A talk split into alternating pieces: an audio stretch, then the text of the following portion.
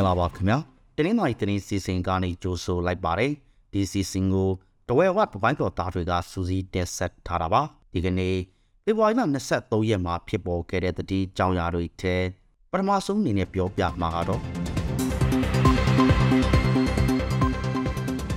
ပေါ်တော့ခမော့ကြီးဒေတာခံတွေနေဆက်ဖြတ်ကျော်စေးပြီးဆောင်နေရတဲ့အကြောင်းပဲဖြစ်ပါတယ်ဖေဖော်ဝါရီလ21ရက်ကပေါ်တော့ခရိုင်ခမော့ကြီးမျိုးဝိုက်ဒင်းရွာအနီးတိုက်ပွဲကြောင့် ဒေသခံတွေနေဆက်ဖြတ်ကျော်ပြီးစစ်ပေးရှောင်နေကြရပါတယ်။ဒေသခံတရားကျော်လောက်ဟာထိုင်းနိုင်ငံရနောင်းဖက်ကိုကူပြီးစစ်ပေးရှောင်နေကြရတာပါ။ပိုက်တဲ့ရွာအနီးမှာကော်တူလေးတက်မတော်ပြည်သူ့ကာကွယ်ရေးပူးပေါင်းတန်းတဲ့စစ်ကောင်စီတပ်တို့တိုက်ပွဲဖြစ်နေတာကြောင့်ဒေသခံတွေဟာထိုင်းဘက်ကစီအိုချန်တဲ့စစ်ရှောင်နေရပါတယ်။စစ်ပေးရှောင်လာသူတွေကိုထိုင်းစစ်တပ်ဘက်ကအကူအညီပေးထားတယ်လို့သိရပါတယ်။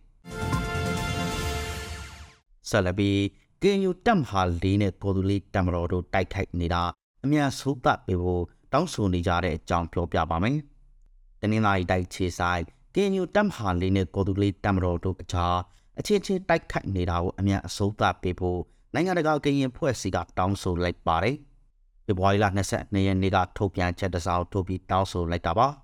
။လက်ရှိအခြေဟာစစ်ကောင်စီကိုဖြုတ်ချရေးအတွက်တိုက်ပွဲဝင်နေချီဖြစ်တာကြောင့် တရေချစ်ချစ်တိုက်ခိုက်နေကြတာဟာမဖြစ်သင့်ဘူးလို့ထုတ်ပြန်ချက်မှာထောက်ပြထားပါတယ်။နိုင်ငံတကာကရင်ဖွဲ့စည်းကတနတ်ပြောင်းဝါကိုစစ်ကောင်စီဘက်ကိုလှည့်ဖို့တောင်းဆိုနေပေမဲ့မြေပြင်မှာတော့ကရင်နှစ်ဖွဲ့ဟာစေရေးတင်းမာနေစေပါ။ဒေသတွင်းကကရင်ဖွဲ့စည်းတွေကလည်းနှစ်ဖက်တွေ့ဆုံညီနိုင်ကြဖို့တောင်းဆိုနေကြပါတယ်။လောင်လုံးမျိုးနဲ့စလောကျွာကအဖြစ်ပြက်ကိုဆက်ပြောပြပါမယ်။လောင်လုံးမျိုးနဲ့စလောကျွာမှာဖေဖော်ဝါရီလ22ရက်က ဒေသခံတအူးရဲ့နေအိမ်ကိုပြည်သူ့ကာကွယ်ရေးဖွဲ့ကဝင်ရောက်ရှာဖွေသိမ်းဆည်းခဲ့ပါတယ်။ရွှေထဲပစ္စည်းငွေကြေးနဲ့ကားတွေကိုသိမ်းဆည်းသွားပါတယ်။ရှာဖွေခံရတဲ့အေပိုင်ရှင်လင်မယားနှစ်ဦးခါတော့ထွက်ပြေးလွန်မြောက်သွားခဲ့ပါတယ်။အဲ့ဒီလင်မယားဟာတမယာမှုလူသားမှုတွေမှာပါဝင်တဲ့သူတွေဖြစ်တယ်လို့ပြည်သူ့ကာကွယ်ရေးဖွဲ့ဘက်ကထုတ်ပြန်ပါတယ်။ဒေသခံအချို့နဲ့မိသားစုဝင်တွေကတော့အဲ့ဒီထုတ်ပြန်ချက်ပေါ်ညှင်းဆိုထားကြပါတယ်။အဲ့ဒီနေ့မှာပဲ တရွာတင်းနေအခြားအမျိုးသားတအူးကိုလည်းလောင်လူပြည်သူ့ကာကွယ်ရေးအဖွဲ့ကပြစ်တက်ခဲ့ပါတယ်။ပြစ်တက်ခံရတဲ့အမျိုးသားဟာလည်းဓမြမှုလူသားမှုတွေမှာပါဝင်တယ်လို့ထုတ်ပြန်ချင်မှာဖော်ပြထားပါတယ်။မြေမှာ HNUC နှစ်ဆကျော်ခုတည်းသွားတဲ့အကြောင်းနားဆင်ရမှာပါ။မနစ်ခါထက်စာရင်မြို့မြို့မှာ HNUC နှစ်ဆလောက်ခုတည်းသွားတယ်လို့ဆိုပါတယ်။ HNUC အကျိုးဆောင်တွေရဲ့ပြောဆိုချက်အရ မေလမဘောကပေ30ပေ50မြေခွက်တစ်ခွက်ဟာမနှစ်ကဆိုရင်ကြသိန်း400လောက်ပဲပေါက်ဈေးရှိတယ်လို့ဆိုပါတယ်။ဒီနေ့မှာတော့အဲ့ဒီမြေခွက်ဟာကြသိန်း800ကနေတစ်ထောင်အထိမြင့်တက်လာတယ်လို့ဆိုပါတယ်။အာဟာသိဒီနောက်ပိုင်းကြံ့ငွေပေါ်ယုတ်ကြည်မှုကျဆင်းလာကြပြီး HM နဲ့ရွှေဝယ်ယူစုဆောင်သူတွေများပြားလာပါတယ်။ဆက်ပြီးပြောပြမှာကတော့တဝဲမှာတီကိုစည်းကောင်းရနေတဲ့အကြောင်းပဲဖြစ်ပါတယ်။ တဝဲစီခွေထဲယာတီအဖွင့်သီကိုတွေစေကောင်းရနေပါတယ်။မနေ့ကထက်စာရင်ဒီနေ့ယာတီဖွင့်မှာ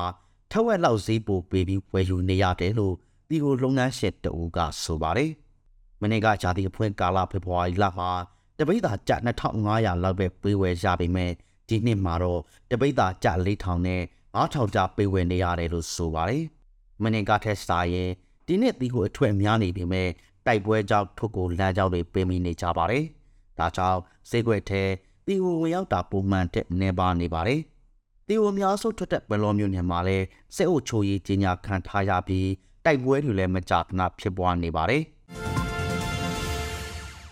နောက်ဆုံးအနေနဲ့ရွှေဈေးကွက်ကြောင်းပြောပြပါမယ်။ဒီကနေ့တဝယ်ဈေးကွက်ထဲအခောက်ရွှေတကြသားကျပ်15000ဈေးတက်လာပါတယ်။ဒါကြောင့်တဝယ်ဈေးကွက်ထဲမှာတော့ဒီကနေ့အခောက်ရွှေတကြသား28သိန်း5000ကျန်တဲ့အယောင်းဝယ်ဖြစ်နေကြတယ်ဆိုတဲ့အကြောင်း တင်ဆက်ပေးလိုက်ရပါတယ်ခင်ဗျာ